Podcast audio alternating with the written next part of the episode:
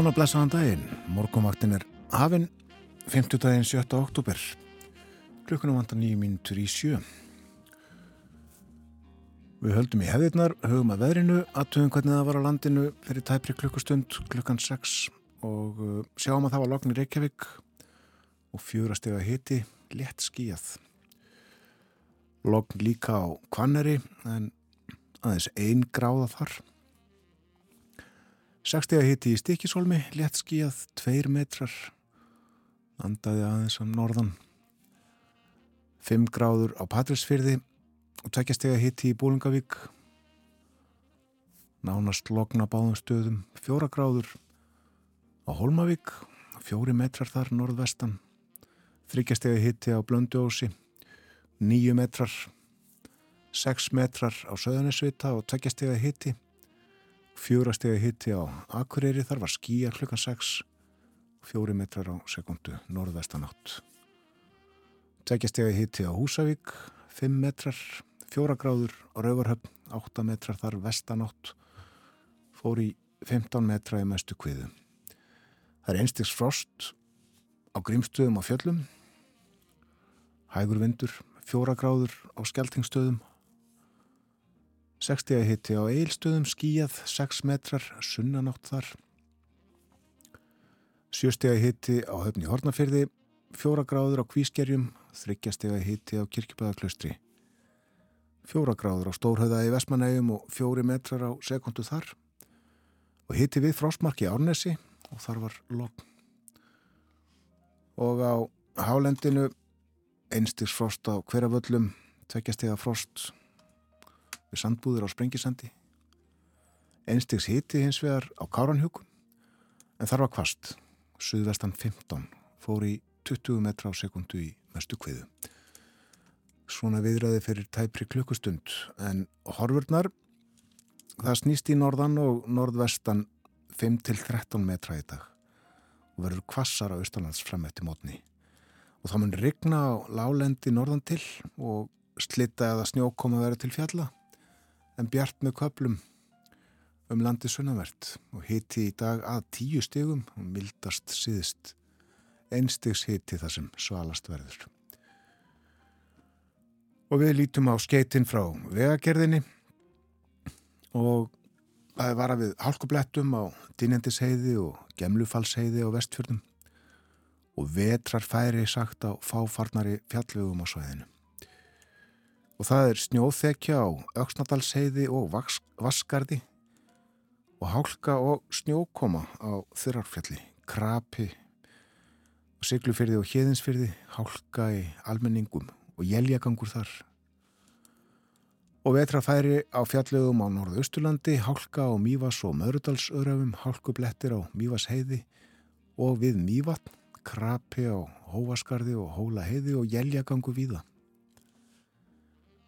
Og það er hálka á fjardarheiði fyrir austan, hálkublettir á Vaskarði.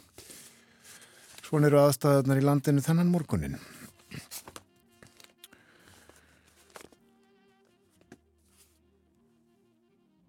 Við setjum fyrsta lag þáttanist hennan morgunin á fónin. Hér er uh, Percy Mayfeld.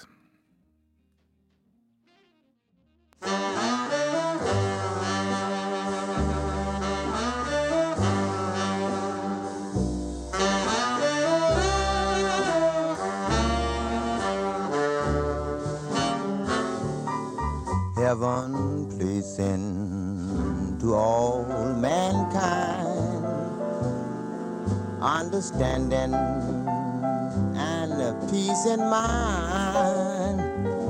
But if it's not asking too much, please send me someone to love, someone to love.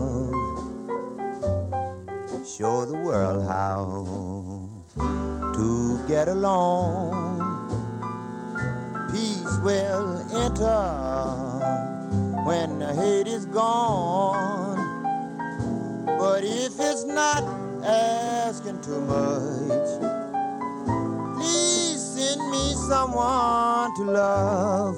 Please send me someone to love. I lay awake nights and pound a world trouble. And my answer is always the same. That unless man put an end to this damnable sin, hate will put the world in a flame. What a shame, just because I'm in misery.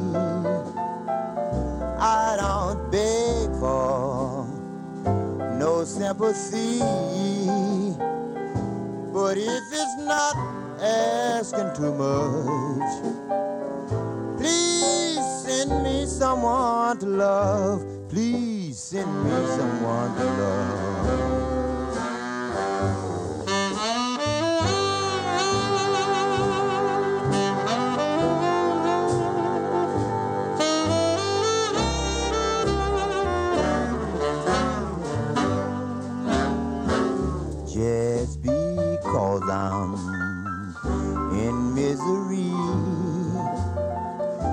I don't beg for no sympathy. But if it's not asking too much, please send me someone to love. Please send me someone to love.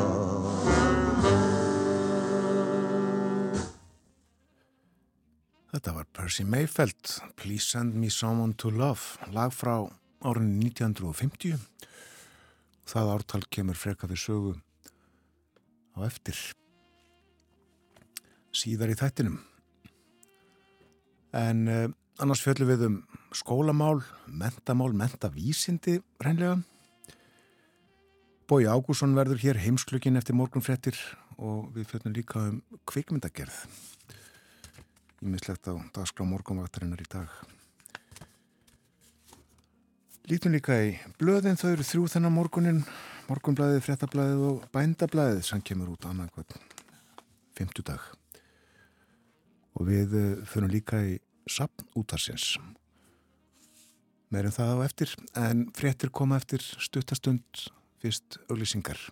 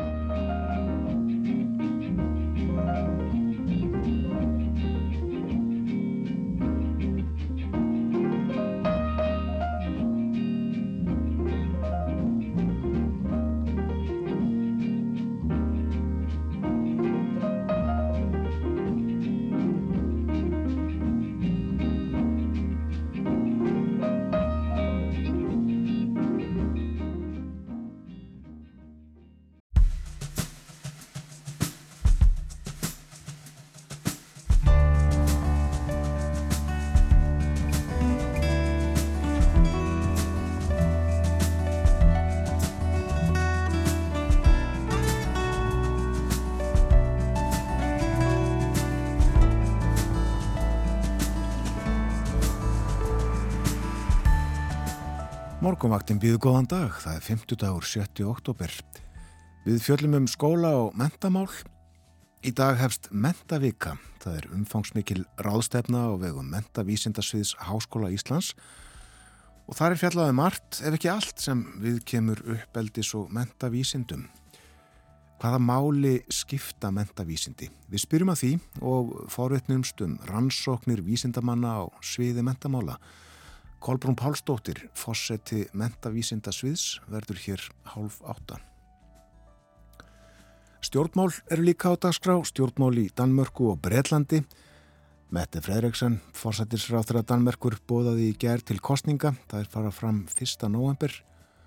Þanga til eru 26 dagar eitthvað svo leiðis. Henni var nöðugur eitt kostur. Og Liz Truss, fósættisráður að Breitlands, stendur líka í stormi en hún var keik á landsfundi íhaldsflokksins í Birmingham í vikunni. Bói Ágússon fjallar um fósættisráðurinn að tvo og stöðu mála í heimsklukanum eftir morgunfrettir. Og svo fyrir við í bíó. Kvikmynd er yfirleitt, já, einn og hálfur til tveir tímar að lengta eitthvað svo leiðis. En það baki eru margar vinnustundir, mörg ársverk. Það er handlegur að framleiða kvikmynd í mörg hortna líta og áallanir gangi ekki alltaf upp. Birgitta Bjöstóttir, kvikmyndaframleiðandi, sem meðal annars framleiti kvikmyndina svar við brífi Helgu sem að nú er í kvikmyndahúsum. Hún kemur í þáttinn klukkan hálf nýju og segir okkur á 20 mínútum hvernig kvikmynd verður til. Umsjónamaður morgumaktarinnar er Björn Þórsig Björnsson.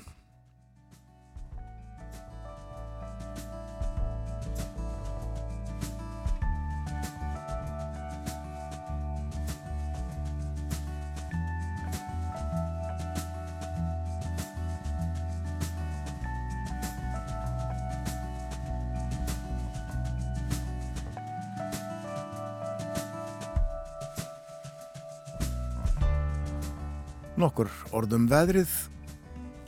Hún grinnist læðin sem er fyrir norðaustan land og hefur stjórnaverðinu hjá okkur síðustu daga. Og það snýst í norðan og nárðvestan átt í dag, vindfræði að 13 metrum á sekundu og áframun regna norðan til og eh, jafnvel gæta slittu. En það verður þurft á sunnaverðurlandinu og bjart veður víða og hitti í dag frá einu stíi að tíu. Hlýjast síðst á morgun förstu dag lægir víðast hvar stitti smám saman upp fyrir norðan en má þó búast við norðvestan strekkingi austan til fram á kvöld. Og svo er það helgin sunnan á suðustan kaldi eða stinningskaldi á lögadag regning eða slitta með köplum víða. Á sunnudag er hins vegar útlitt fyrir kvassa norðanátt og það má búast við talsverðri úrkomu um landi norðanvert og það er jafnvel snjókomu. Og hálka víða á vegum eins og ég fór yfir fyrir frettir og nefnt var í frettatímanum. Við lítum á fórsýður bladana og uh, byrjum á frettablaðinu sem er í kápu í dag Það er hérna auðlýsing frá öryrkibandalaginu og uh, hér segir laugin eru í ykkar höndum. Alþingismenn lögfestið samning saminuðu þjóðuna um réttindi fatlaðs fólks bara strax, takk. Og svo er fjallað um, um þessi réttindamál á þremur blaðsíðum en uh, á forsíðu hins eiginlega fréttablaðs Má sjá Bubba Mortens, mynd sem að tekja var að honum á hljómleikum S.A.A. í gær. Það áttu samtökinu fögnuðu 45 ára afmæli. Svo er fjallað um áfengistrykju í frétt þér undir myndinni af Bubba. Áfengistrykja hefur tvöfaldast og fjöldi áfengisvestlana fjórfaldast. Og uh, hún hefur sannsagt markfaldast á þessu tímabili sem er til Umfjöldunar hér eh, eða undir frá 1980 til 2020. Sala á áfengi mældi vínanda á þessu árabili fór úr þremur lítrum á mann upp í sex. Og þetta á viðum 15 ára á eldri. Og uh, þessi frétt byggð á, á uh, upplýsingum hagstofunar og rætt hér við fjöldafólks um áfengismálinn Frankatastjóra viðskiptaráðs, alþingismann, professor við Háskóla Íslands og einni við Árna Einarsson forvarnarfulltrúa sem segir það vantar samfélagssáttmála um stefnu í áfengismálum og fjallaðu um þessi mál sem satt inn í blæðinu í dag. Vaksta hækkun Sælabankas í gæri einnig til umfjöllunar hér á fórsíðunni. Hæri stýrivöxtir enn eitt höggið, segir hér. Morgonblæðið fjallar um um uh, flótamannamálin og uh, segir hér uh, allra leiðaði leita til þess að finna húsnæði fyrir flótafólk og sveitafjölög hafa enn ekki undirritað samningum þjónustu. Kemur fram í fréttblaðsins að þau eru að vega og meta málið en félags- og vinnumarkaðsráð þeirra segir að þeir, það sé þeirra hagur að undirritaðinan samning. Þeim sé skilt sangant lögum að veita þjónustuna sem um er fjallaði samningum og uh, betra fyrir þau að, að gera þennan samning. Og uh, það er verið að leita að húsnaði fyrir fólkið. Við uh, höfum heyrt af þessari fjölda hjálpastöð sem að hefur verið opnuð, tekinn í gagnið. Það er ekki við Borgatún í Reykjavík í gamla húsnaði vegagerðarinnar og þánga var engi komin í gær.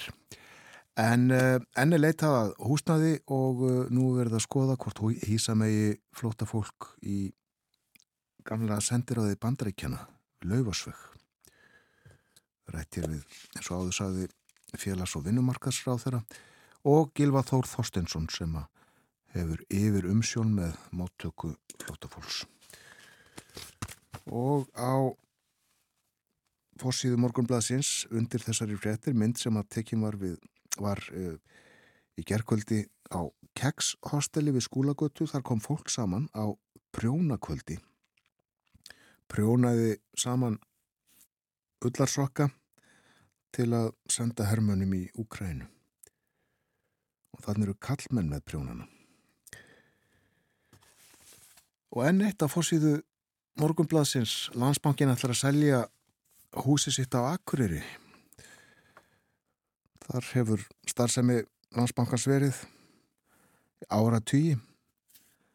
Áður hefur bankin selt húsin á bæði Selfossi og Ísafyrði og nú á samsagt að selja á Akureyri. Og uh, á ekki að selja húsi líka í miðborg Reykjavíkur þegar bankin flyttur í nýbygginguna. Ég held það og það verður fróld að sjá hvað verður um þessi hús þar að segja hvaða starfsemi ratar í þau bæði. Við ráðustorkið á Akureyri og eins í miðbæri Reykjavíkur. Á fórsíðu bændablaðsin sem mynda kindum. 1, 2, 3, 4, 5, 6 kindum. 5 eru kvítar og 1 svört og uh, þetta eru kindur með lögheimili í Hænuvík í Patrísfyrði og það er fjallað um fallfunga lampa en uh, lömpin sem að komu að fjalli núna í höst þau eru rýrari heldurinn í fyrra. Og uh, helstu skýringar kaldsumar. Það var til þess að gróður tók ekki almenlega við sér. En slátur tíð stendur sem hæstu þessam myndir rúmlega 250.000 dilkar hafa farið í gegnum slátur Úslandsins og það er líka fjallað um ábyrðaverðið sem hefur snar hækkað um uh, 10%. Fikknalegu skjálti á orkuverði í Evrópu hefur leitt til mikill að verðhækkana á köpnunarefni og bændablaði talaði við ábyrðasala sem allir voru sammálað um að ábyrðaverðið það munni halda áfram að hækka. Segjum þetta gott úr blöðunum í byli en uh, í dag er eins og framhauðu komið 7. óttúper og uh, það var á þessum degi árið 1907 fyrir 115 árum sem að strákur fættist á söðakróki, hann hlut nafni Stefan framan af æfi bara hann föðunapsitt, hann var Guðmundsson.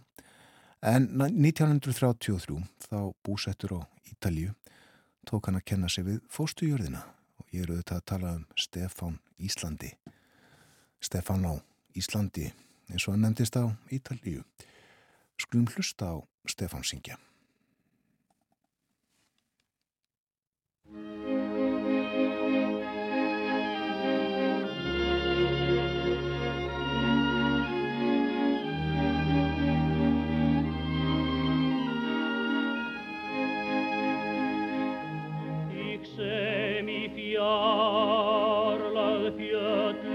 við veður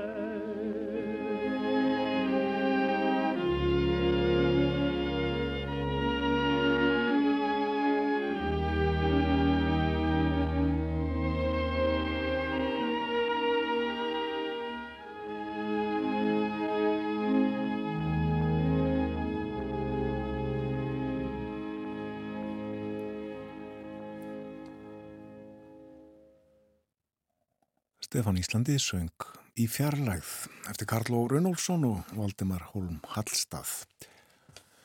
En ég sé í dagbók að 80 ár eru liðin síðan húsmaðra kennaraskóli Íslands tók til starfa. Skólastjóri eða fórstuðukona var Helga Siguradóttir, svo merkakona og skólinn hafði aðsettur í háskólanum. Nefndunni voru 11 fyrstu önuna og Helga kendi matartilbúning og fleira varðandi heimilishaldið en aukennar kendi við skólan Trausti Ólafsson, hann kendi efnafræði, Jóhann Sæmundsson kendi líffarafræði og heilsufræði, Július Sigurjónsson kendi næringar efnafræði og vöruþekkingu og Ingólu Davíðsson kendi grasafræði og þá ætti einnið að kenna færslu búreikninga og almennan reikning en kennari þeirra greina hafði ekki verið ráðinn þegar skólinn var settur. Og þetta var sem sagt húsmæra kennaraskóli en þá höfðu kvennarskólar og hústjórnaskólar verið starrættir um skeið í landinu. Og í nýja skólanum voru sem sagt kennara efni hústjórnaskólana mentuð. En já, Helga Sigurðardóttir, hún var merkkona, eh, fættist 1904, lést 1962 og á alfræði síðunni Wikipedia segir hún hafði mikil áhrif á mótun íslenskrar matarhefðaðum miðja 20. öld. En Helga fættist á Akureyri, dóttir Sigurðar Sigurðarssonar sem síðar var búnaðarmála stjóri og móðurinnar var Þóra Sigurðardóttir. Föðursistrinnar var Jóninna Sigurðardóttir matræslubókarhöfundur og hún ólst upp á hólum í Hjaltadal, fæðirinnar var þar skólastjóri bændaskólans og 1922 fórum til náms í húsmaðuraskóla í Danmörku og hún laug húsmaðura kennaraprófi 1926 og þá kom hún heim, stundaði matræslu og kennslu lengst af við Östubæjaskóla. Hún gaf út fyrstu matræslu bók sína 1930 bökun í heimahúsum. Og næstu árin kom hver bókin af annari og þar á meðal kænslubókin Lærið að matbúa og Helga einleiti fjölda nýjunga í íslenskli matagerð fyldist vel með því sem var að gerast í nágrannlandunum og hvatti húsmæður óspart til að nota meira grænmeti og ávöxtum og bæta matarvenjur og næringu. En eh, 1950 þá flutti Helga nokkra stutta þætti í útvarpinu, húsmæðra þætti eins og þau nefndust. Við skulum hlusta á fyrsta þáttin. Hér er Helga Sigurðardóttir. Góðan daginn, kæru húsmöður. Ég hefi nú tekið að mér það vandasama starf að spjalla við ykkur húsmöður landsins um með daglugu störf ykkar en störf húsmóðurinnar eru vandasöm og fjölbreytt. Nú eru um 30.000 heimili í landinu og öll eru þessi heimili ólík hvert öðru ef vel er að gáð og það mun því oft reynast erfitt að komið þær leiðbynningar sem geti komið öllum að notum. Efnahagur heimilan er misjafn, vinnuskilirði og kröfur húsmörðarna mismunandi og þau fæðefni sem fyrir hendi eru eru mjög mismunandi eftir því hvort umur að ræða heimili sveit eða kaupstað. En ég mun leytast við að hafa þennan húsmaður þátt svo fjölbreytta að þið geti allar haft á honum einhvern gagn eða gaman. Ég að reyna að fylgjast með störfum ykkar og vona að leifinningar mínar getur orðið ykkur til hjálpar og kvartningar. En til þess að svo megi vera, þá er nöysinlegt að þið tækið sjálfa þátti þessum þætti. Ekki aðeins með því að hlusta á hann, heldur einni með því að senda skriflega fyrirspurnir um það sem ykkur likur á hjarta. En auðvitað skriftin er Ríkisútvarpið Reykjavík, húsmaður á þátturun. Nú megið þið ekki halda það að ég kom með einhverja nýjungar á hverju modni því það er ekki allunin. Heldur hitt að ég alla mér að minna ykkur á það sem þarf að gjöra á hverjum tíma. Hvaða fæðutígundir eru ódýrastar og hvernig á að matbúa þær svo að þær missi sem minnst að sínu verðmætu efnum og hvernig eigi að geima þær. Stundum mun ég lesa uppskriftir og skulið þið því áalt hafa blíhand og blað við hendina. Bæði til þess að skrifa niður uppskriftirnar og eins til þess að skrifa hjá ykkur ef það er eitthvað sem ykkur langar til að fá nánari upplýsingar um. Sem að líkun lætur mun aðal efnið í þessum þáttu fyrstu senn vera maturinn sem við lifum á og er það skiljanlegt. Þar sem hér daglegu matur hefur geysi mikla tíðingu fyrir hvern einstakling. Flestur hugsa aðeins um að hann sé braggóður og það er líka mjög mikið sem verðt að svo sé. Helbrygður og sterkur líkami þarf góðan og hallan mat. En eftir því sem þekking á næringar efnafæðinni hefur aukist verður alltaf ljósara hvað lífsnausilegt er að þið daglega fæða sé rétt samsett og rétt mat búin. Svo að hún missi sér minnst að sínu verðmæti efnum. Þarmið á ég fyrst og fremst við vítaminin. Nú vitum við að vellíðan hvert einstaklings byggist á því að þið daglega fæða sé holl og góð. Því að vinnutrykki verður meira, skafsmunirni betri og hilsam betri og er það mestu verðt. Holl og góð fæða fyrirbyggir margan lasleika. Verið þið sælar. Helga Sigurðardóttir í útvarpinu árið 1950 og ef ekki bara hlusta á annan þátt. Góðan daginn. Nú er komið vetur og vonandi hafa allar húsmöður einhvern vetraforð af mat og á ég þar ekki aðeins við kjöt og fisk heldur einnig alls konar garðávexti og ber. Þeir sem ræktuðu grænkáli í sömar eiga þá vonandi enn í görðin sínum. Grænkáli er mjög holdt og auðugt af A og C vítamínu og nú skulum við þið borða það daglega saman við skér eða skérfæru. Grænkálið er þvegið úr köldu rennandi vatni. Vatnir hrist af því og blöðin rifin af leggjónum. Skorið smátt með hníf á bretti en ekki saksað í söksunavél. Skerið er fært á vennilegan hátt og sekrað, en grænkálið borið með í skál og blanda hver því í skerið eða skerfæruna eftir vild. Munið að skera káli rétt áður en á að borða það og þá hæfilega mikið að því í hverja máltíð. Því að sé káli gemt skorið, þá er það ekki eins ljúfengt og ekki eins holdt. Borðu nú grænkál daglega meðan það stendur enn í görðunum. Gefu börnunum grænkálsker á mornana í staðin fyrir havragraut eða hafi það sem spónama til kvöldverðar. Grænkálið er einnig gott í rásalöð og les ég nú uppskrift af grænkálsalati. Fjóra til fimm matskeiðar skorið grænkál. Fjóra matskeiðar súr þeittur rjómi eða súrmjölk. Ég endur tek uppskriftina. Fjóra til fimm matskeiðar skorið grænkál fjóra matskeiðar súr þeittur rjómi eða súrmjölk. Grænkálið skorið smátt, blandað í rjóman. Sigur settur í eftir smekk. Salatið er ljúfengara rann með skornum rúsinum. Og hér kemur grænkál gulrófu salat. Í það er haft 6 blöð grænkál, ein miðalstór gulróa, ein til tvær maskeiðar púðursikur. Ég endur tek uppsvittina, 6 blöð grænkál, ein miðalstór gulróa, ein til tvær maskeiðar púðursikur. Grænkálið er skorið í þunnar ræmur. Gullrófan, hreinstuð og rifin. Blandað saman á þann púðusikrinum. Það gerir salatið bragd betra að setja í það ofur lítinn sítrónustein sem brættur er í heitu vatni.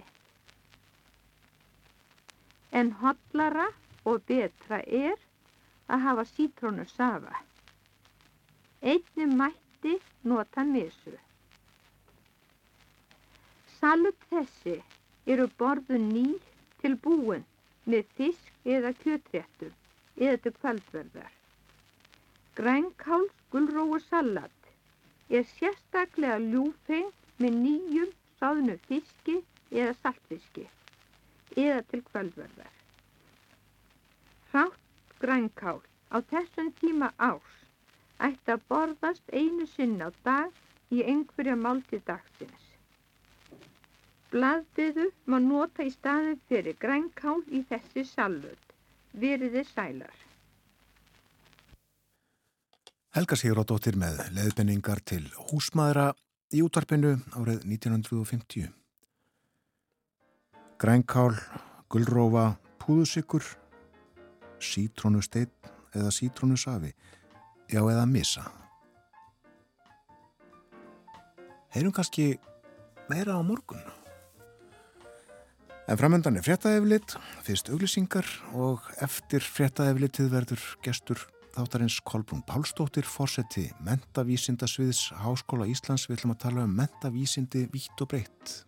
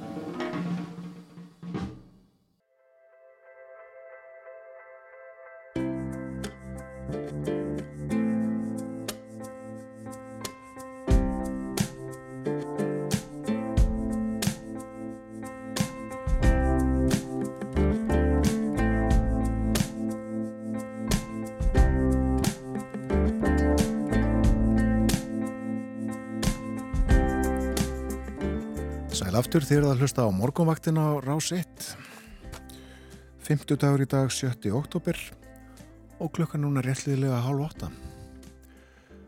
Það er ég millagt framöndan hjá okkur í þættinum Bói Ágúrsson verður hér eftir morgun frettir klukkan 8. Heimsklukkin á sínum stað og uh, við ætlum að fjalla um Liz Truss, fósættisráþurra Breitlands og Mette Freriksen, fósættisráþurra Danmerkur. Liz Truss nýkominn af landsfundi eða ársfundi í allsflokksins Breska. Hann var haldinn í Birmingham í vikunni. Og Mette bóðaði í gær til kostninga. Þær fara fram 1. november. Eftir rétt rúmar þrjár vikur. Eitthvað fleira munum við líka fjallum við, bóið á eftir. Svo verður hér klukkan hálf nýju Birgitta Björstóttir kvikmyndaframleiðandi. Hún framleiti meðal annars kvikmyndina Svar við brefi Helgu sem að nú er í kvikmyndahúsunum. Við ætlum að forvitnast aðeins um það hvernig kvikmynd verður til. Tekur nú yfirleitt ekki nema kannski einn og halvan, tvo tíma eitthvað svoleiðis að horfa á mynd en uh, það er talsvert meiri vinnaða baki eins og við heyrum af eftir þegar Birgitta verður hér. En nú að allt öðru við fjöllum núna um mentamál mentavísindi. En tveggja daga ráðstefna mentavísinda Sviðs Háskóla Íslands hefst í dag, hún kallast Mentavika.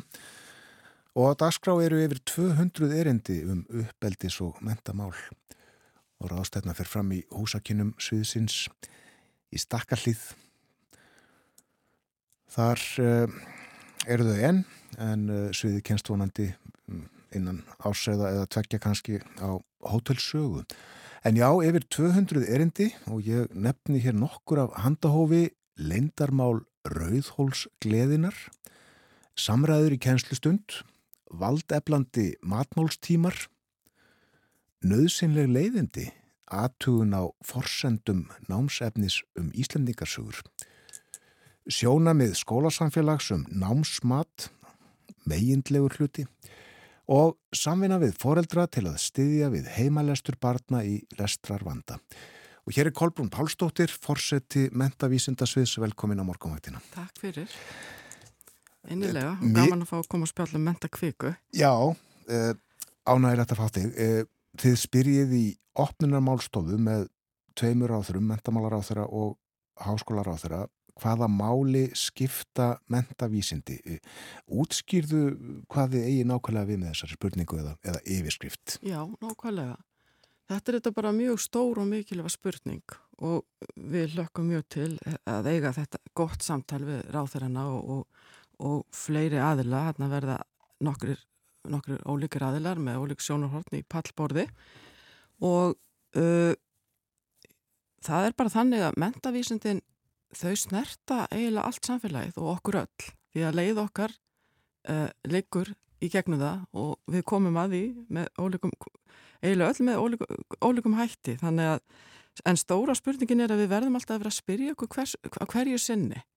Hvaða máluðu skipta og hvernig við erum að nýta þau, hvaða áhrif við erum að hafa sem stundum rannsóknir á þessu sviði og hvernig tekst okkur að vinna með uh, fagsamfélaginu, stopnununum, uh, uh, stjórnvöldum og, og, og, og eiginlega öllum hagaðilum hverju sinni. Þannig að þetta er svona spurning sem við bara þurfum að taka upp reglulega. Já, og uh, sko mentavísindi þar undir er meira en, en uh, þessi eilugu skólamál. Mm. Já, svo sannlega og, og frábær dæmi sem þú nefndir hérna að fjöl, mjög fjölbreyttum erindum. E, Mentavísindasvið er eitt af fimm fræðasviðum háskólans og stendur fyrir ástöfnunni en þegar við skoðum dagskrána þá sjáum við að, að þarna stíg á stokk bæði fræðimenn á sviðu mentavísinda, fræðimenn af flestum fræðasviðum háskólans, e, rannsakendur af öðrum, úr öðrum háskólum, þarna stígur á stokk e, fagfólk, kennara, skólastjórnundur, frístundaráðgjafar, fólk úr velferðarkerfinu þannig að þetta er mjög breyður hópur sem er að koma að mentavísundum og þarna verið að fjallum rannsóknir á sem tengjast uh, heilsu, lífsáttum velferðarmálum auðvitað líka svona þessum grunnhæfni skólan, starfs, svo sannlega lestri lestarakennslu aðferðum námsefni og svo margt, margt fleira. Og allt skiptir þetta máli, auðvitað. Já, svo sannarlega. Já. Mentavísindi, það er tiltölulega stutt síðan að við fórum að nota þetta hugtak. Ég flettiði upp, ég held ég að við byrst fyrst á brendi 2007. Já, það, það er mjög áhugavert og það er alveg rétt að, að, að hugtaki mentavísindi hefur kannski ekki komið fyrir svo allslöngu inn í okkar íslenska, íslenska orðuræðu. Mentavísta svið var til 2008 þegar að kennaraháskólinn sem var á hér saminæðist háskólanum áður töluð við um menta, mentunarfræði eða uppbyldis og mentunarfræði. En höfum svona með þessum hætti lagt áherslu á það vísindastarf og, og það er mikilvæg þekkingu sem að mentaransaköndur eru að, að vinna að og skapa uh, í mikillir samfunnu við. Þetta eru, mentaransóknir eru þetta eru eitt sagt, svið vísinda og, og þannig er verið að með mjög skipulögum og markmið sem vönduðum hætti að afla upplýsinga og þekkingar sem skiptir máli til þess að þróa nýjar aðferðir uh, og, og hérna uh, því að samfélagi er alltaf að breytast. Og en hérna þetta er samt sko bara, mjög, bara að þú drefur þetta fram þá er þetta eitthvað sem þurfum alltaf að hafa í huga. Hver er sérstaða þessara vísinda óháð öðrum vísindum? Já, getur þú svarað því? Já, eitt af því við erum bara alltaf að pæla velta þessu fyrir okkur, en eitt af því að, það, að þetta er ákvæmlega þerfræðilegt svið. Það byggir á, á, á fjölmörgum stóðum og eins og sérst af dagskráni þá eru rannsakendur sem er að styðjast við heimsbyggilegar fórsendur eða eins og heimsbyggi mentunar, það við erum að leita í sálfræðin er ein af grunnstóðum mentavísinda, félagsfræðin uh, og svo maður bara lengi telja áfram. Þannig að þess vegna eru við til dæmis í þeirri frábæru aðstöðu að við erum í svo miklu samstarfi við önnur fræðarsvið rannsakendur af, af hérna svið, af félagsvísinda náttúruvísinda, hugvísinda svo dæmi séu tekin. Þess vegna eru við svo gríðarlega spenntur því einmitt að vera að fara að flytja bráðum á aðalsvæði háskólans skrifa nýja sögu og, og hérna, vinna þá enn nánar með okkar góðu kollegum. Já, minn okkur að, að bera eitt undir þig, við höfum hér mentamálar á þeirra áratugum saman og undir hann og þá heyrðu öll skóla og mentamál landsins. En uh, ríkistjórnin sem að nú starfar ákvaða að skipta þessu upp uh, nú höfum við annars vegar mentamálar á þeirra og hins vegar á þeirra háskólana uh, hefur þið veltið fyrir þig hvort að þetta sé gott fyrirkomlega?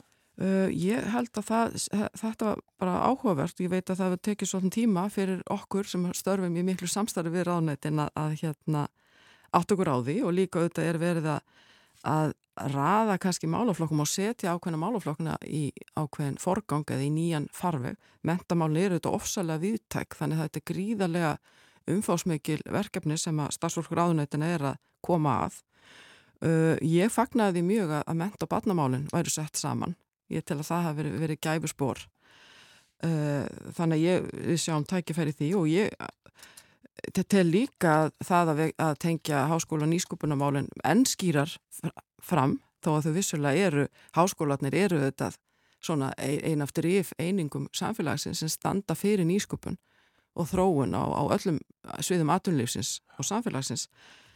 Og nú erum við til að mynda í, í mentamálunum að, að, að hérna, stíga þar sterkar inn og vorum að stopna nýskupunar stofu mentunar sem að verður hluti af mjög spennandi og gróskumiklu umhverfi Og þau verða með eitthvað bæði í dag, Ásmundur Einar og Áslögu Já, og það verður svo skemmtilegt og spennandi og ég hlakka virkilega til að heyra svona þarna gefst þeim svolítið kostur til að kynna emmi þessar nýju áherslur og svona forgóðsverkefni þeirra ráðuneyta og fara þarna í svolítið samtal við, við hérna sinn hag aðila hóp að hluta þeim að mista kosti. Já, þau verða við opnunar málstofu mentakveikunar.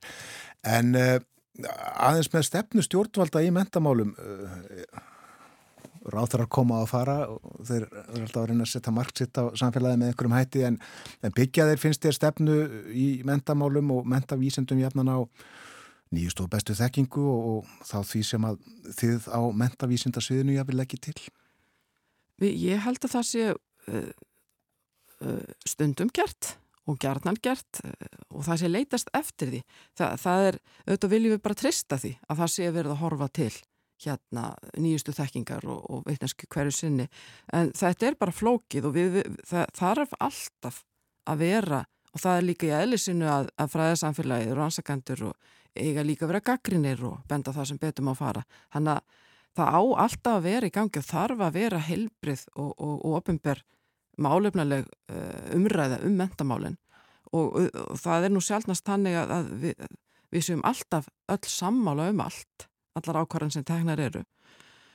En uh, umræðan verður að vera uh, góð og, og, og, og hérna og þess vegna er, er rástefna og svona samtali eins og við erum að fara í dag, ég held að það vonandi sé gaglegt og hjálpa okkur í, á þessari vegferð en, en við höfum átt ég tel að mjög farsala skrifa verið tekin á síðustu árum til að mynda í, í, í mentumæningum ára sem var og það var mjög leitast eftir samráði og það voru haldnir skipaður hópur um, um móturmentastefnu og, um fyrstu aðgerðar állun en þetta er bara gríðilega flókið verkefni og, og hérna, þarf að halda vel á spöðunum til þess að ná að tengja okkur öll saman Það á margir eh, rannsóknir verið gerðar og unnið er að eh, mörgum en hvernig er með niðurstöður? Eh, skilar ný, þekking sér hratt og vel inn í skólastofunar?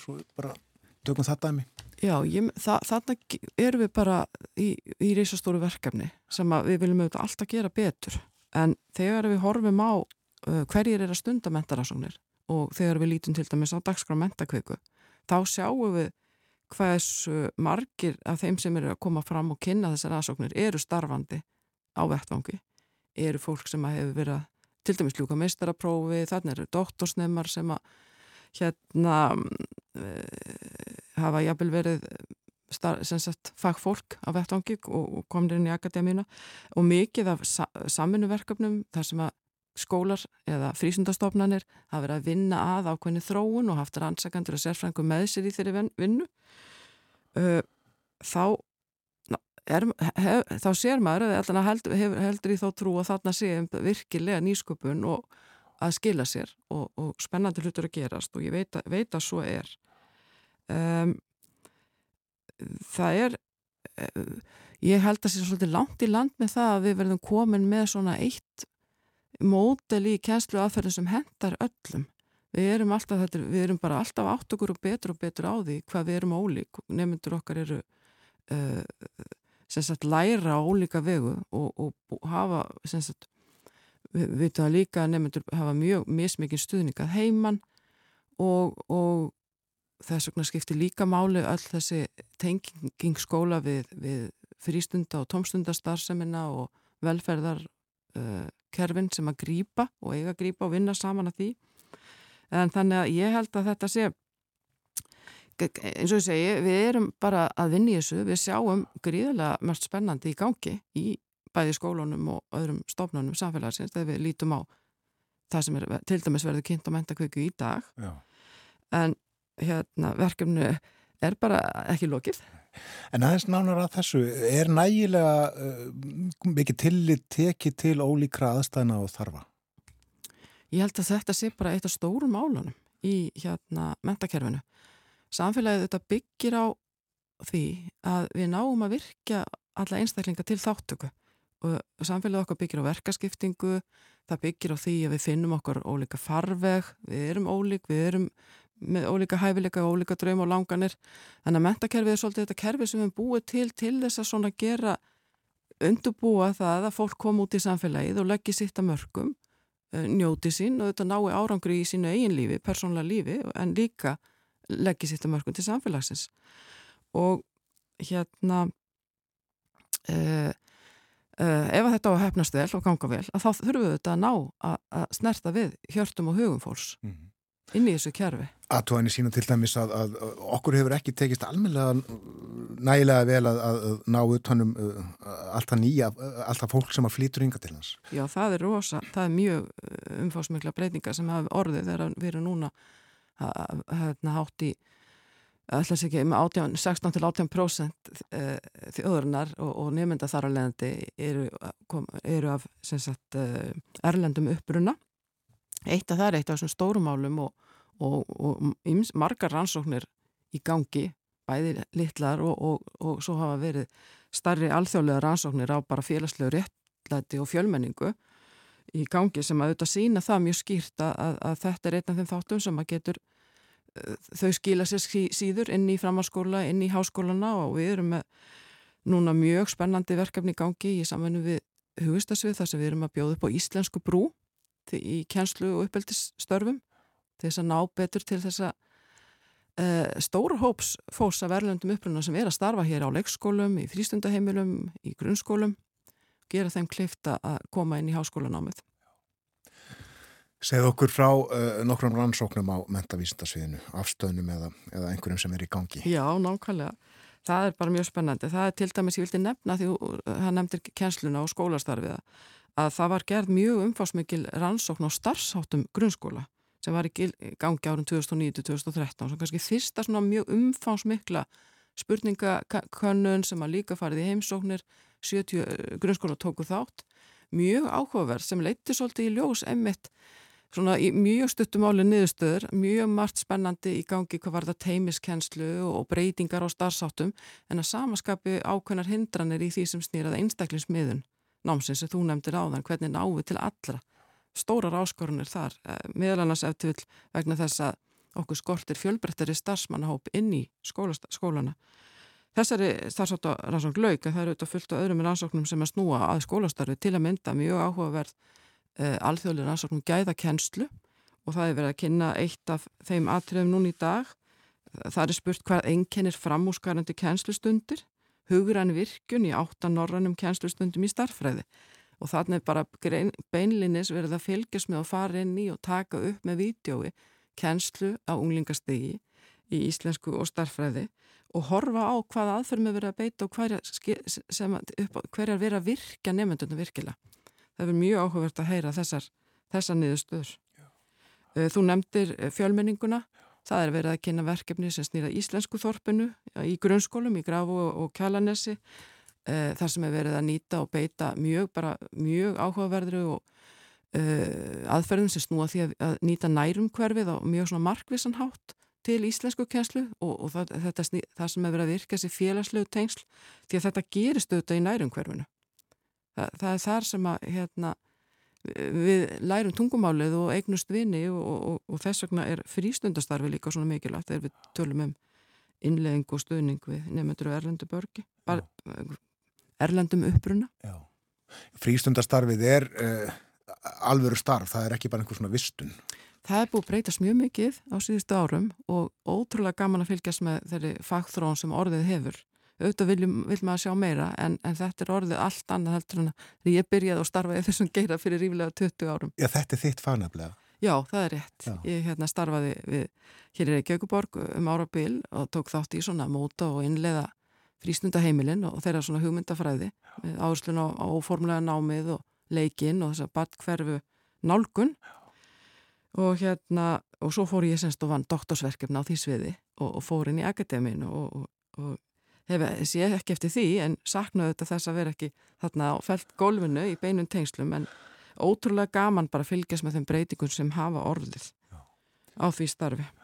Nóngra nefna hérna annað, eh, eitt sem ég talaði um í, í upphafi, eitt af þessum erindum sem að fluttu er það í dag, það er um aðtugun á forsendum námsefni sem Íslandikasögur og spurt er nöðsynlega leiðindi. Já, Ja. þetta er góð spurning sko og vegna þess að, að hérna e, sko það er okkur leiðist oft ansi mikið í skóla e, sumt að því eru algjörlega nöðsynlegt og þetta á ekki allt að vera bara skemmtun og leikur og gleði og gaman.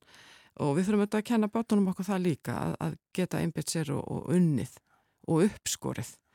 En, en uh, hérna að hún nefnir uh, þetta, þetta sko þá er svo gaman líka hvernig við getum nýtt þarna bókmentir á svona óhefbundun og frumlegan hátt til uh, kjenslu, til þess að miðla jafnvel hugmyndum um, um samskipti og siðferðanastíkt sem að hópur rannsakenda hefur verið að vinnað Já.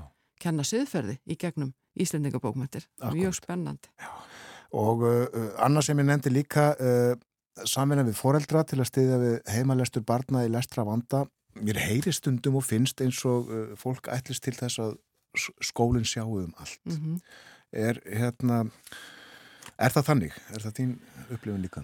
Já, það er tilfinning? Já, mín tilfinning er allan að svo að það verkefnum skóla hefur fjölgað mikið og, og skólastarf er orðið sagt, miklu meira heldur en engungu, einhvers konar bara kennsla og fræðsla og það er bara áhugavert til dæmis sem að lítur á námskrá skólastars síðustu hérna eh, bara 50 til 100 árin hvað, hvað, hvað það hefur bæst við námskreinunar er að sífælt að vera fleiri og fleiri lífsleikni dæmum námskrein sem kemur inn í lok, semst um síðustu aldamót og hérna uh, þannig að þess vegna hefur líka samsetning sagt fagmannana breyst.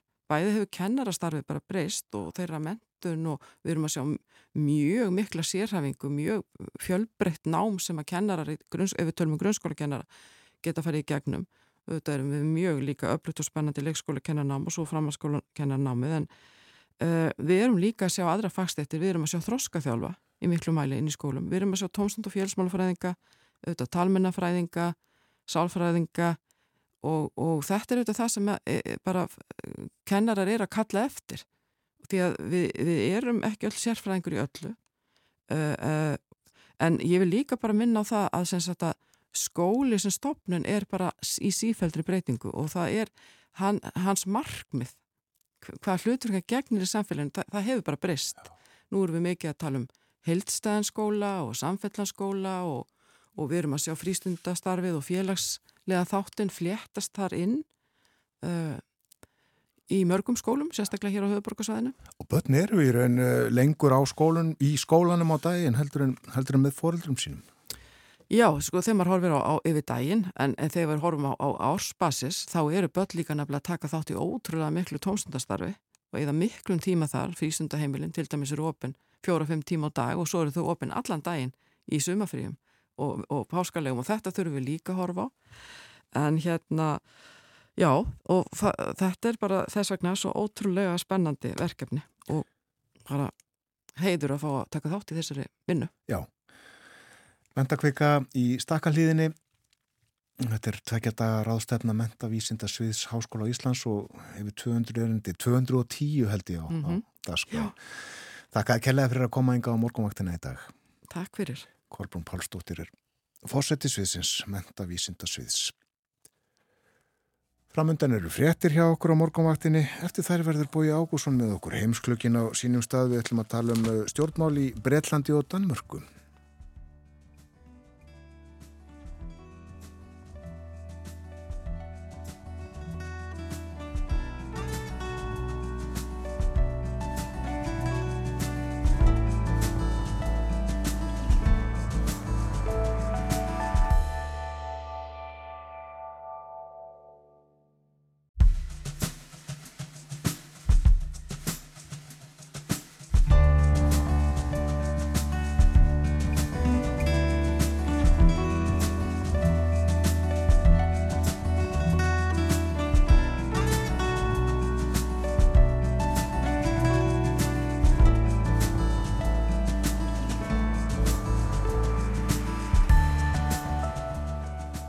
Aftur þýrða að hlusta á morgunvaktina á Rás 1. Klukkan farin að ganga nýju. Það er 50 dagur í dag.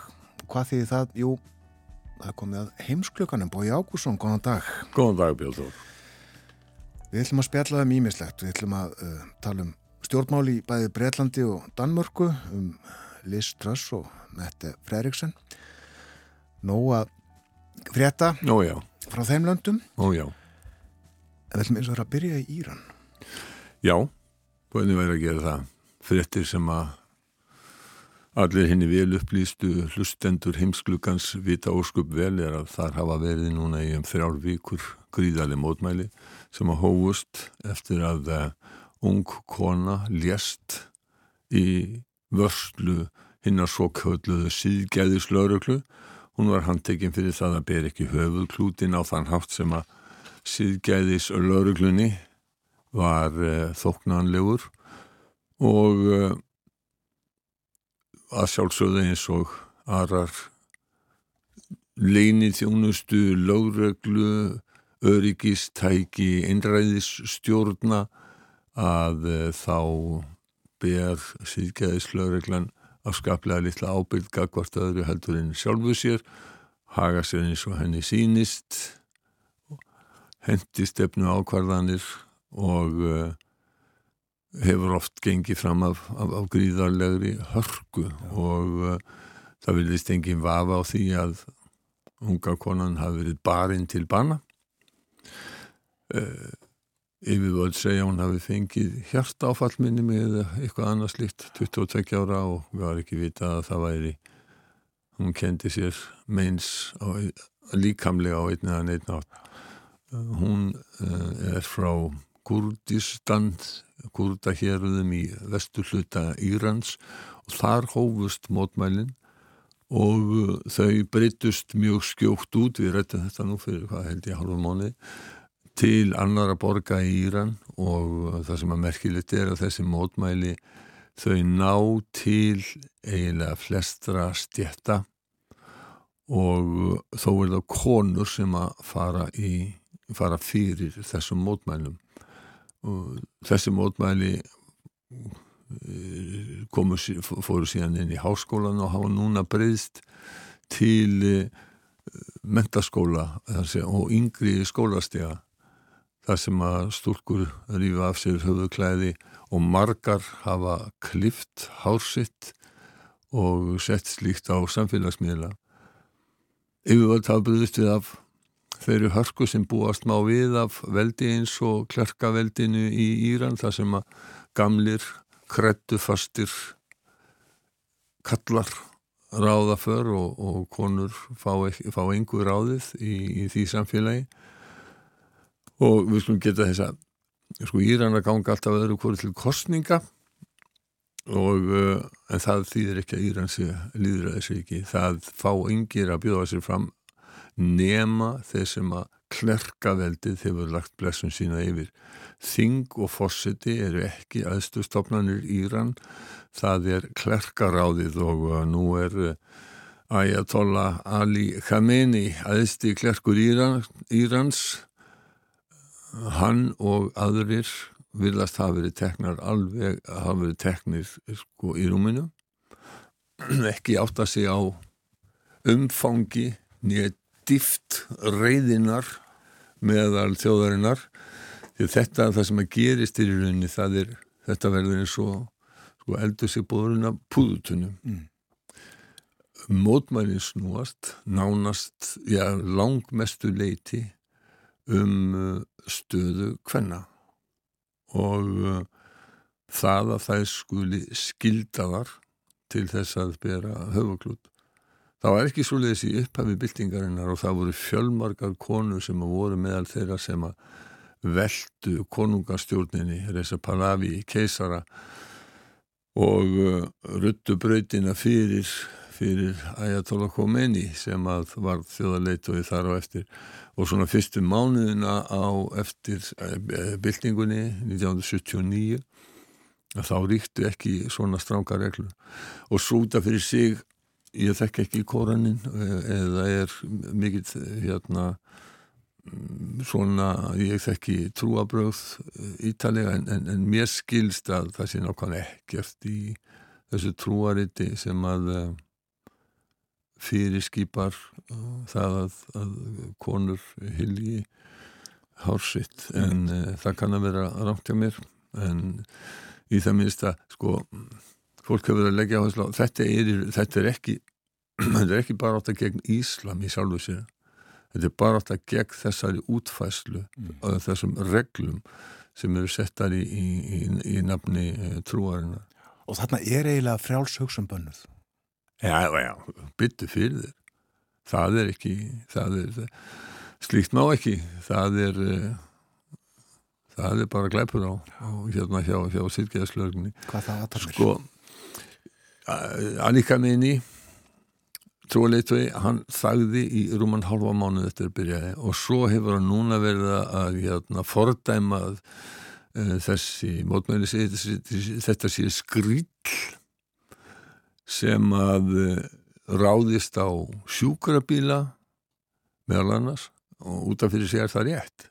En ástæðan fyrir því að það hefur ráðist á sjúkrabíla er að það er að siðgæðislaurglan og yfirvald hafa nota sjúkrabíla sem lögubíla ekki til þess að flytja særða af, af uh, vettvangi. Það er notaði til þess að handtaka fólk. Og uh, hann segir uh, líka, hann náttúrulega kemur ekkert sérstaklega óvart að, að það séu síjónistar og útlendingar sem að kynna undir. Það er svona pínókriti þema núna skulum við taka þegar við fyrir að tala um Breitland sko, það er þetta að búa til óvinni og þá er það yfirlt alltaf einhverjir hérna, útlendingar eða einhverjir framandi. Ekki við sko, það eru við og þeir eða við og þau. Og þau eru hérna svona vondukallarnir og kellingarnar sem, a, sem allt er að kenna.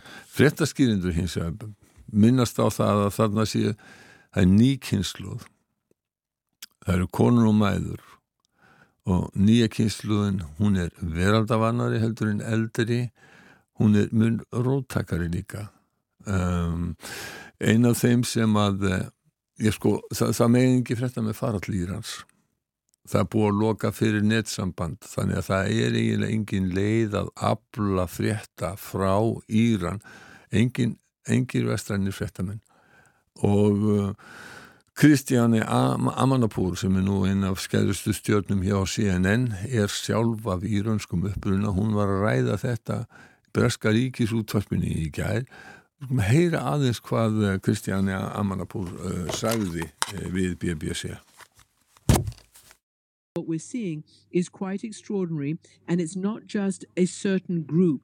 It's gone all over the country. It's gone to conservative areas, even Rome, which is the seat of the religious, uh, you know, Shiism in Iran.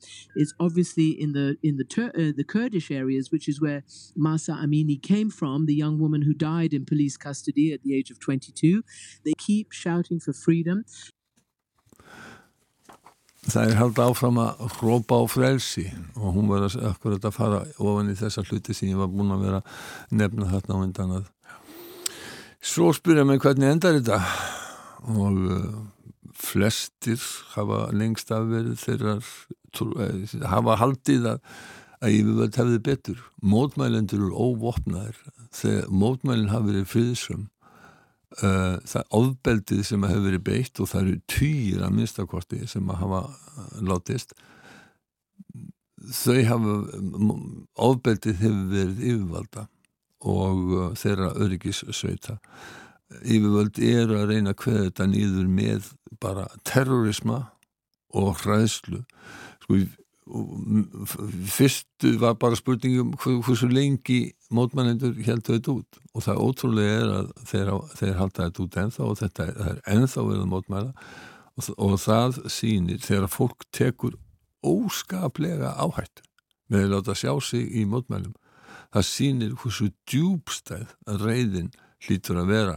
Það er sko Íranir eru velmentuð þjóð uh, og þetta er uh, þetta er ung þjóð og að það að, að slíkri þjóð skuli vera haldið í, í hverka taki klerka stjettar gamalla gamalla gráhærða hérna, kalla. Þetta er, þetta er náttúrulega þingri en tárum taki en, en, en En svona, svona er þetta nú því miður en, en sko það eru fáir sem að búast við öðru heldur en þetta endi með sigri yfirvalda. Þau, þau, hérna, þau ná að, að kveða niður þessi mótmæli eins og önnur mótmæli sem hafa verið þegar þeir hafa augljóslega verið að svindla í eh, kostningum eða gengið fram á þjóðinni. Sko nú skulum við aðtóa að það eru, það eru meðin 40 ár síðan að þetta óþokkalið komst til valda í Íran. Sko fyrirstjórnin var ekki góð sko en, en þetta er hálfa vera. Við fylgjumst áfram með eh, en uh, fyrir núna til Breitlandsbói Liströðs komið frá Birmingham til Lunduna líklega. Jú. landsfundur íhaldsmanna í Birmingham á dögunum. Jú, jú, já, hún bara kláraðist í gær. Kláraðast í gær, akkurat. Og, og hérna það sem að eh, og, og, og Liz Truss er bara óðar að fara áfram til Prag það sem er fundur 44 um, Evrópuríkja Evrópusambandið og fullt af öðrum Evrópuríkjum sem eru að ræða um Úkrænu, eru að ræða um orkuvandamál og eru að ræða um, uh, um flóttamannavandamál. E, það er náttúrulega gott fyrir liðtóa sem eru nánast í umsátri heima við að geta aðeins komist út fyrir uh, landstegina. Gánungarnir í Breitlandi er að segja sko að, að hérna landsfundur Liz Truss hafi verið fyrsti og síðasti landsfundur hennar því að hún stendur mjög vikt inn á flokksins, henni tókst að fylgja líðinu saman aðeins með, með ræði í gær um, í lók flokksþingsins eða landsfundarins eins og ég kýsa að kalla þetta, þetta er árlegur fundur. Og uh, hún má búast við því í næstu viku þegar að þingi kemur saman að nýja að hún fá hann að heyra hún er búin að fá að heyra frá flokksmönnum að undanförnu. Og hún stendur bara alls ekkert vel minnust þess að innan við þrjúðungu þingmann að stutti hana. Það voru almenni flokksmenn sem að uh, vildu hana. Þeir kusu, sko, íhalsflokkurinn náttúrulega engin, ekkert þversni af ennsku þjóðinni eða bresku þjóðinni ennþá síðan, þetta er mest englendingar mest í Suðaustur-Englandi. Uh, karlmenn í miklu meirulhluta uh, þokkalega vel stætt fólk. Og þetta fólk kaus hennar stefnu að lækka skatta. Þetta er, þetta er eins mikil sjálfselska í politík og nokkur getur uh, hugsa sér og þarna eru þessi rúmlega 150.000 manns sem að geta demt þessum ósköpum yfir bresku þjóðina Rissi Súnak mótframbjóðandi hennar, hann sagði að þetta væri, þetta væri glabræði efnaðarstefnunar og það er að koma í ljós að þetta er, þetta er, þetta er glabræði en það hefur hún þurft að hrekjast með sumt að þessu og þetta var, þetta var, þetta var lítill sigur fyrir, fyrir hann, þetta var eiginlega Robert Peston, hinn orðkvati eh, politíski rýstjóri ITV hann, hann eh, fór nokkur um orðum um þetta sagði sko það hver hendin upp á móti annari, það er ekki bara almenni þingmenn sem margi hverju kom ekki að fundin heldur er þetta líka ráþeirar sem að, sem að hérna er að gera sig breyða uh, á, á móti henni, sko sumt af því sem að slíki ráþeirar eins og Penny Morton hafa sagt, hefði undir venlegum kringustafinu duga til þess að þeim hefði verið hent út úr ríkistjórninni og svo endar hérna Robert Peston á því að segja þetta sé nú meiri, meiri, meiri vittleysir að hann nota árið this is a mess, heyrim að þessi Robert Preston let's be absolutely clear political parties rarely win elections when they are fighting each other. We had Grant Shapps only a little bit of time ago saying on Times Radio that unless the party's poll rating improves significantly, because right now those polls are showing that Labour would win by a landslide, she cannot be safe. That he says MPs would find a way to get rid of her. My goodness, this is a mess. My goodness, this is a mess. Ég held að þessi orða sönnu og eins og hann var að vísa til að þá hefur fylgi í þess flóksins hrunið í skoðanakonunum það var einhver, einhvers það að sá einhvern leggja út sko vestu skoðanakonun á þann hátt. Ef það væri kosið á, á morgun þá væri þrýr íhalsmenn eftir af 650 þingmannum á, á breska þinginu. Ja, það er svona sko. Ja, ja. og um, ég sá það í politíken að það er um, það er eitthvað sko greiningarfyrirtæki í Breitlandi, JL Partners, þeir eh, söfnu svörum frá 1600 breytum og sögðu báðum eitt orð til að lýsa ástandinni í íhalsfloknum og, og, og, og hérna og það sem að koma út var sko useless, incompetent, untrustworthy, gagslaus, vanhæf og óáraðanlega. Þannig að um, Já, við skulum segja það að, að Liz Truss, hún á frekar við, uh, hún á frekar á brattan að sækja. Það er ótt að segja það. Það er anstæðan við þessi orð sem að stjórnvöld þurfa. Já, já nákvæmlega. Já, já. Um, við munum nú hvernig það fór hér þegar að fólk fór að hrópa vanhæfur ríkistjórn. Akkurat. Mm. Fyrir þá til Danmarkur, það verður kosið þar eftir 26 daga. Já, það er Danir hafa venjulega mjög stutta kostningabráð. Það er ekki eins og í Svíþjóð þar sem að þeir vita nákvæmlega hvernig að verður kosið. Það er í september og kostningabráð eiginlega hefst í upphafi árs. Danir taka þetta svona með trykki og dífu og stundum allt nýrið þrjálfvíkur. En núna ég held að sé út af einhverju vetrafríum sem án velur fyrsta, fyrsta nógambur. Já. Uh, þetta var óhjákvæmilegt eiginlega? Þetta var óhjákvæmilegt, alveg horfið vegna þess að uh, radikali venstri, stuðningsflokkur í stjórnarinnar hafði sagt að uh, ef þú ert ekki búin að búa allir kostninga við setningu þings þá leggjum við fram vantröst til og, og stjórnarnarstaðan hefði stutt það vantröst mm. um, og það þýði bara einfallega að hún neittist til og, um, og svo gerðum þetta í gær og kostningabarástana hafinn, það voru leiðtóa umræður í danska sjónvarpinu í gær, bæði á TV2 og danska ríkis sjónvarpinu eh, ég náði því miður ekki að, að horfa á þær. Ég, ég þurfti að geima mér þá skemmtun þánga til eh, síðar í dag. En, en eh, sko það sem að helst verður tekist áum er sáðu frettaskýrindur í gær væri verðbólka hátt rafórskuverð núna eru fyrir þá sem eru gríðarlegir áhuga menn um dansk stjórnmál og rétt að benda á það að það standa yfir núna uh, við umræður á danska þinginu sem að ættu að vera umræður um stefnuræðu fósættis á þeirra uh, stjórnar anstæðan hún hefur eiginlega voðalega lítið minnst á verðbólgu og hátt ráðskuverð hún hefur þeimun meira að tala um minka. Það er greinlegt að það er strategían í stjórnarnarstöðunni að reyna að sökva Mette Fredriksen í minkamálunu vegna þess að þar urðu stjórnina á alvarleg mistök og, og, og, og lögbrott eh, og sko Mette Fredriksen hún startaði kostningabarðinu með að segja með því að byðla til stjórnarnarstöðunar hún ætlaði að fara, hún vildi mynda stjórn þvert yfir miðuna en e, hægri flokkarnir þeir hafa hafnað því. En það eru eh, komna kannanir og, og uh, það er benda til þess að það verði mjög jæmt eins og staðinni núna.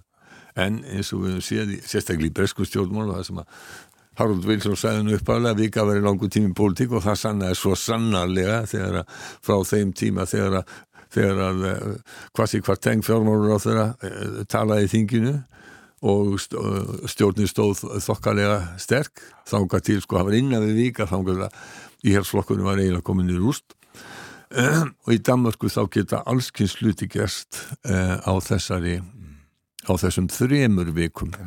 En hvað já, ef að niðurstöðna verða eins og kannanir benda til núna og þá er það einn maður sem að öllum líkindum mun vera í líkil stöðu Hvað heitir hann? Hann heitir Lars Lökke Rasmussen fyrirvændi fórsættisra á þeirra Danmörku mikill og segur gamall politískur refur. Hann raunar sko fyrir síðustu kostningar þegar hann frökklaðist frá þó að flokkur hans venstri bætti við sér fylgi þá lagði hann til svona ríkistjórn núna verð, gæti hann orðið þeirri stöðu að ráða því hvort það verður hægri eða vinstistjórn og svo getur líka komið upp svo staða að e, þingmenn frá Færim og Grænlandi sem eru fjóri talsins þeir geti e, ráðið úrslitum. Og svona venjulega skila að Nord, norður allansás þingsætin eins og þau kallaði í Danmörku þremur vinstrimönnum og einum hægrimanni en fylgjumst með danskum stjórnmálum næstu þrjár vikurnar og skemmtum okkur. Takk fyrir í dag.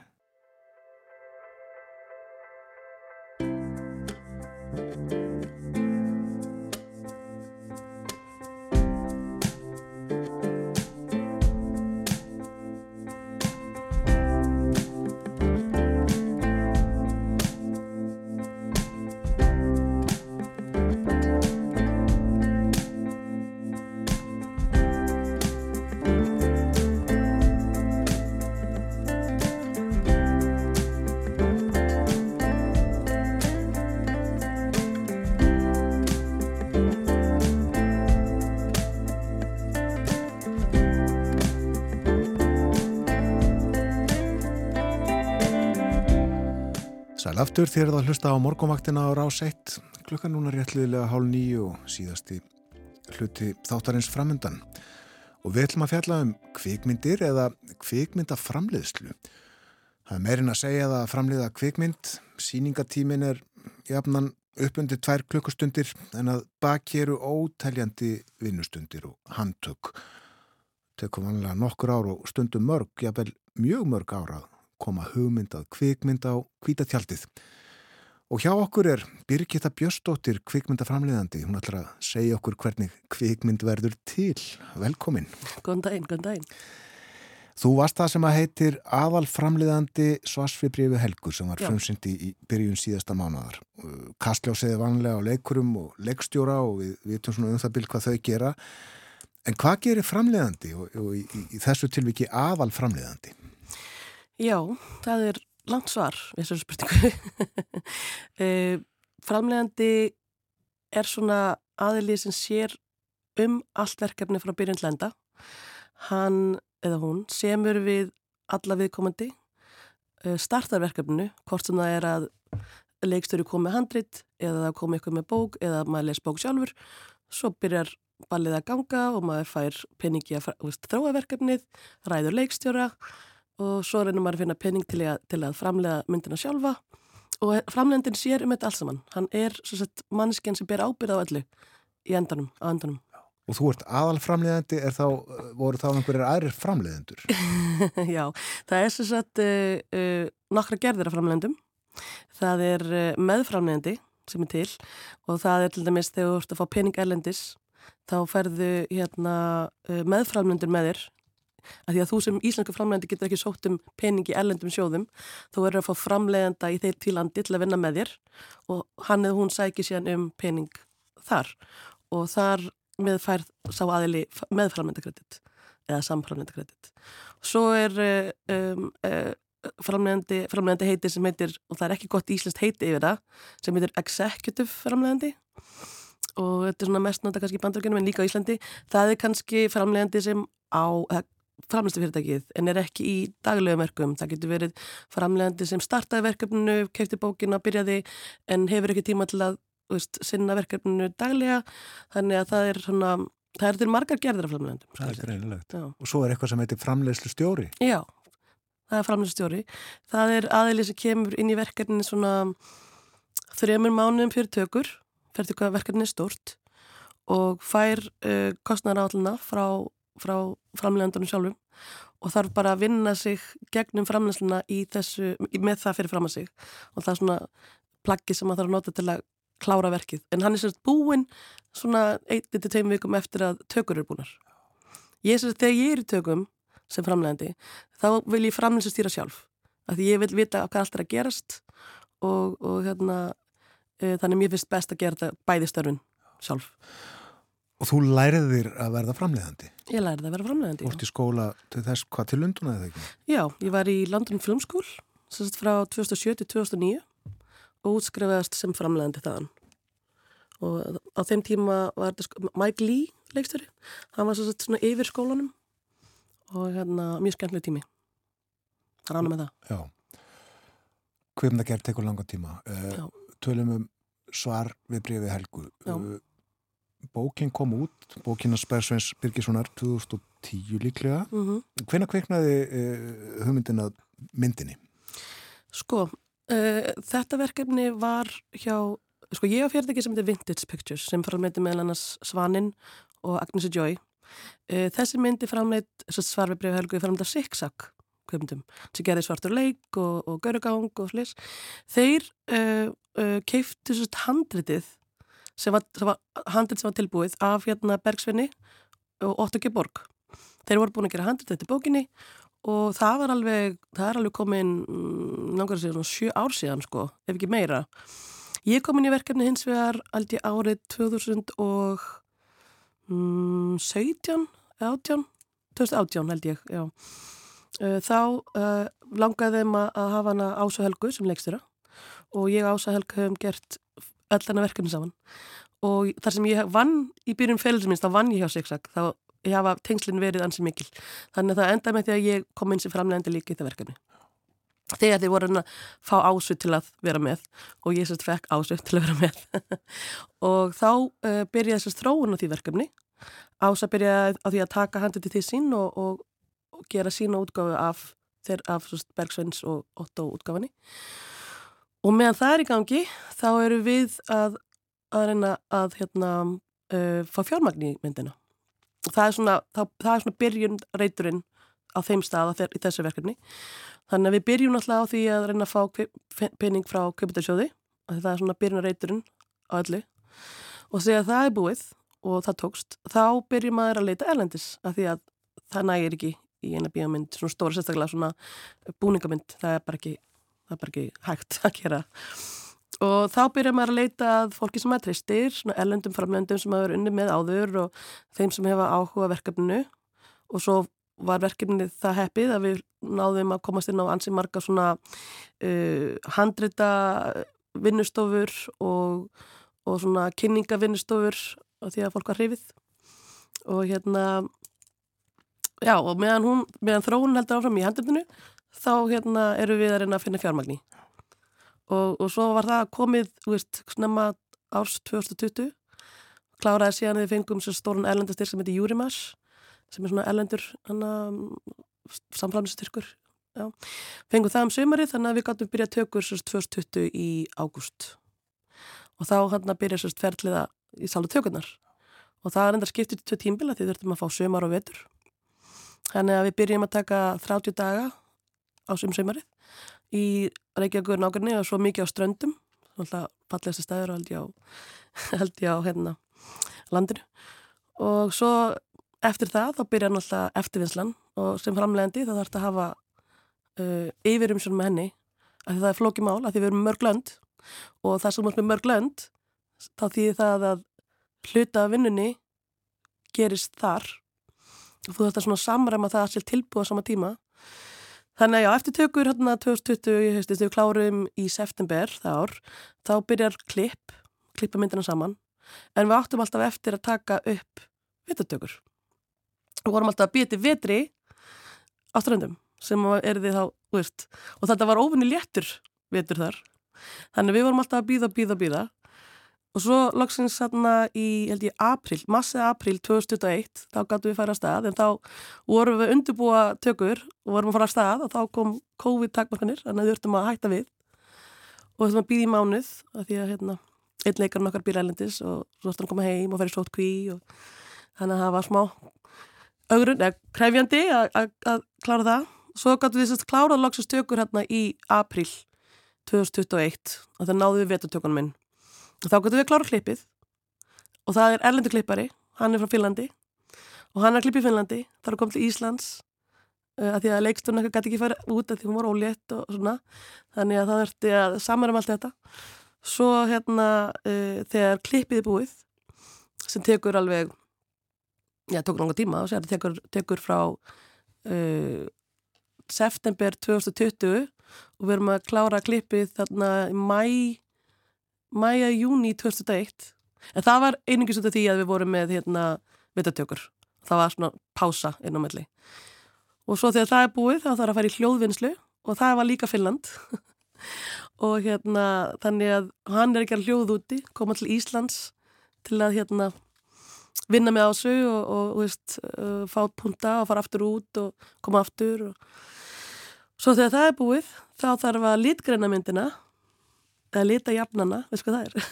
Nei.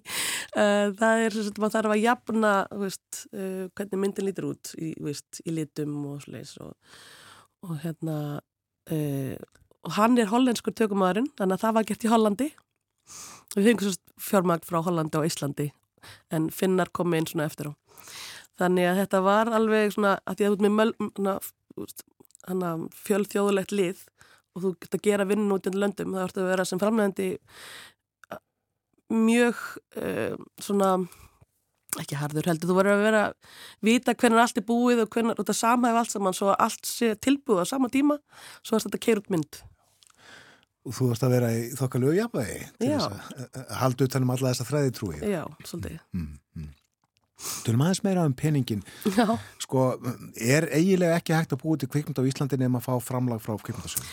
nei, það er mjög erfitt. Þú getur náttúrulega gert uh, og það verður margir mjög duglegir ungir framlegendur og ungir leiksturar reynd að gera myndir uh, án styrks. Það er mjög krefjandi.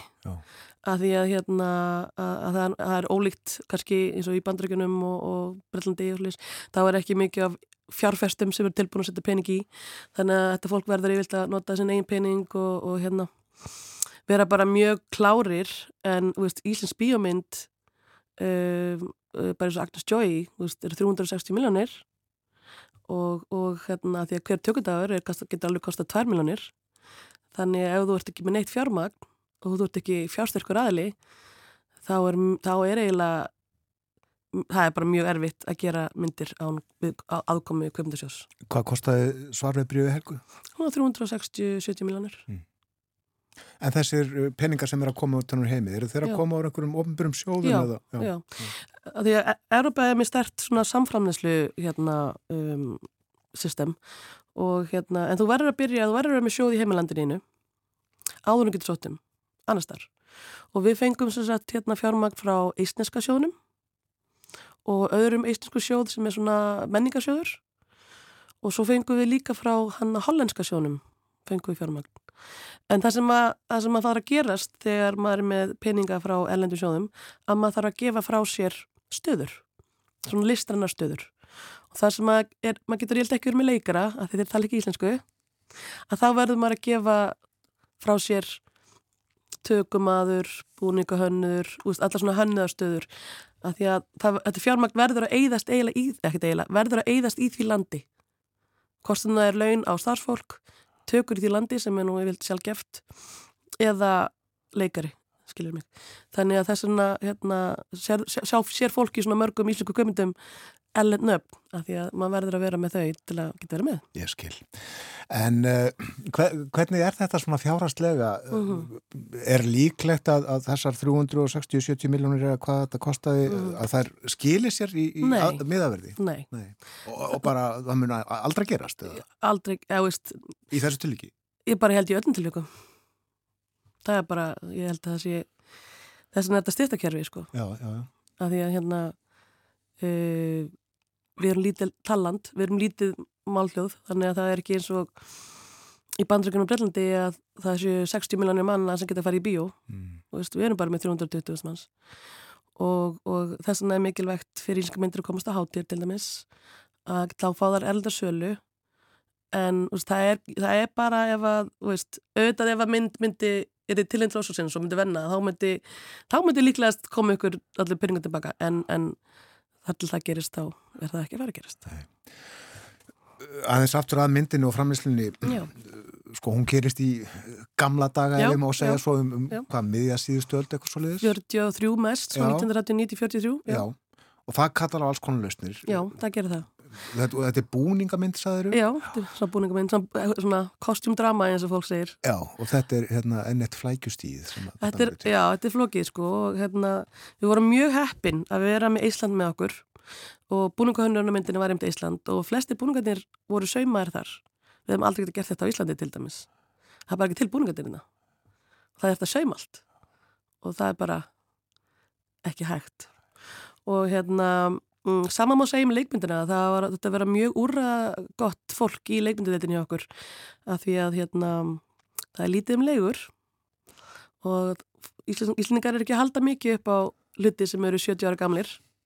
Það verður bara að segjast. Það er allt í uppfyllinga Já, þannig að það þurfti að vera dildin þurfti að vera mjög úræða góð og leikmyndahönnurinn okkar og, og finna, finna fólki í enga og, og það er þeim til göttunum að því að það er mjög kræfjandi að gera að svona mynd sem gerist ekki nútímanum það er bara erfitt og hérna en það er líka að fyndi að hlutir sem að gera sér í grein fyrir, maður lærir alltaf í hverjumstu framlýsu sko, að hlutir sem að gera ekki ráð fyrir eins og hárgreislur 1939-43 ég í mínu einfældni held að, að, að konur til sveita á þeim tíma væri bara með flettur eða eitthvað slegis en það er ekki svo. Þar voru allar vel til hafðar og voru með rúlur og það þýtti að hérna, hverju morgni þá ertu hver leikuna að vera klukktíma í hárgræslu og hérna, áður um byrjum tökudaginn og þetta, maður lærir alltaf á hverju framherslu já En hvernig er það? Er, er, er þetta og hefðbundin vinna eh, flestra Nei. frá nýju til fimm og frí um helgar? Nei, það er það ekki. Þegar sko við erum í tökum þá er þetta 12 tíma dagar minnstakosti, minnstakosti og yfirleitt lengur. Við erum yfirleitt í tökum hverju 77, 8 til 8 fer til hvort við þurfum að taka hvort það sé allt dagur hjá okkur, hvort við séum inni eða hvort við þurfum að vera út um nótt þá þurfum við að byrja setna. Ég man eins og í Agnes í Joy þá, þá var hérna fjögur til fjögur um morgunni var kól búin um fjögur um dag. Þannig að það voru allir mjög spenntir eða ekki, fyrir þeim degi. En uh, það er uh, það er bara mjög misjátt, en svo sem í framlýslunni sjálfri, þá er alltaf ykkur atrið sem það komi upp, þannig að framlýslan er alltaf vinnandi ykkur tvo tíma eftir jafnvel fleiri tíma eftir að töku, tökudeginu líkur og svo þegar við erum ekki í tökum þá er þetta mjög random það er, maður, maður er að svara postum um helgar og kvöldin og, og það er ekki 95 minna, nei, þetta er ekki 95 minna Það koma margir að uh, kveikmyndum, það eru margir listamenn. Já, leikarinn eru þetta Mhm. og, og, og leikstjórinn og svo búningahönnur og tökumadur og hvaða nú er. Mhm. Svo er þú, þessu tilviki aðal framleiðandi, skapast oft tókstreita ágreiningur um hvernig á að gera hlutina? Sko, nei, yfirleitt, uh, veist, velum að sér, velum aður, ef maður getur, að vinna með fólki sem að uh, er samanlega með hvernig maður gerir hlutina og maður treystir hvort öðru. eins og tilviki ásuhelgu, þá er hún bara listar tjórnandi, þú veist, auðvitað hérna, ræðu við saman og, og, og veist, ég get komið input og hún hlustar og ef hún er sammála þá er hún sammála, hún er ekki sammála, hún er ekki sammála og það er allt í góðu. En það er, nei, við hefum aldrei lendi í neinum, um, neinu tókstötu, Uh, það er alltaf misað með fólks auðvitað, hvernig það gerist auðvitað uh, gerast hlutir þú veist, fólk er ósumála en nei, við höfum alltaf getað að tala bara saman og, og allt, veist, haft það rólegt. Það er aldrei neitt hafi ekki verið leiðindi hinga til. Nei. En komi upp ágreiningur, er ljóst hver ræður? Já, það fer eftir, það fer eftir hérna Um hvað máli um snýst. ef það er listrænt eðlis þá er alltaf stjórna leikstjórnni á endanum. Og það er ástæðan fyrir að maður er að vinna með leikstjórnum ef það er hins vegar fjárhagslist eðlis þá náttúrulega stjórnar framlendiði en maður reynir samt leina að leysa þetta í saminningu af því maður vil vinna saman að þessu verkefni, þetta er svo stótt verkefni þetta er svo hjónaband. Maður er að vinna með manneski í sjö ár. Mjög náið og þarf að treysta manneskinni mikið.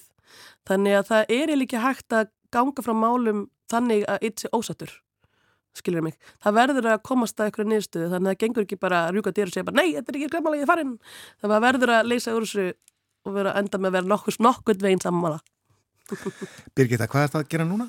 Herðu, ég er að framlýsastýra afturheldingu þáttum sem að verða rúf næsta ári uh, sem er framlýstu sexak og það er stum hérna uh, svona eldri, eða svona uh, yngvar er leikur svona gamla handbóltahetju sem fengi til að þjálfa hvernalið afturhaldningar.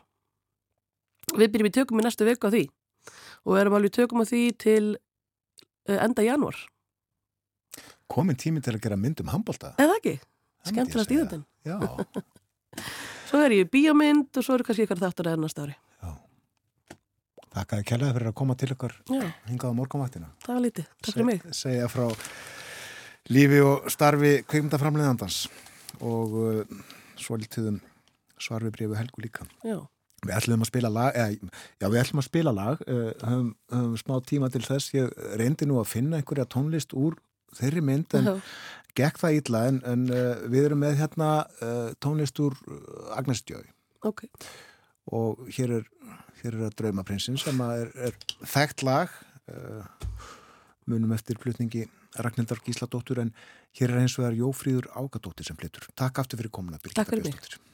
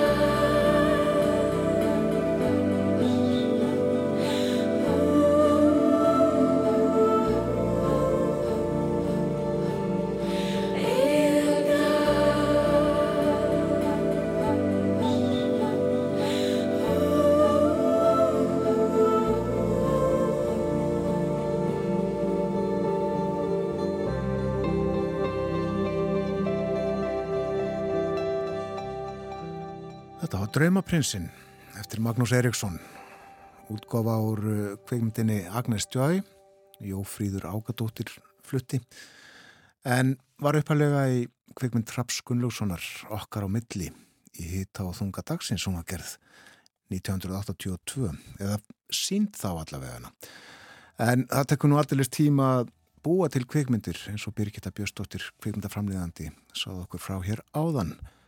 Nú var síðasti gestur þáttanist þennan morgunin en með okkur líka í dag Bói Ágússon, við fjöldluðum um Erlend málefni og hér fyrr í morgun Kolbrún Pálstóttir, forseti mentavísindasviðs Háskóla Íslands. Við töluðum um mentavísindi, rannsóknir á sviði mentamála, mentakvíkan hefst í dag og stendur til morguns. En þetta er minn lokið, ég þakka samfélgina verði sæl.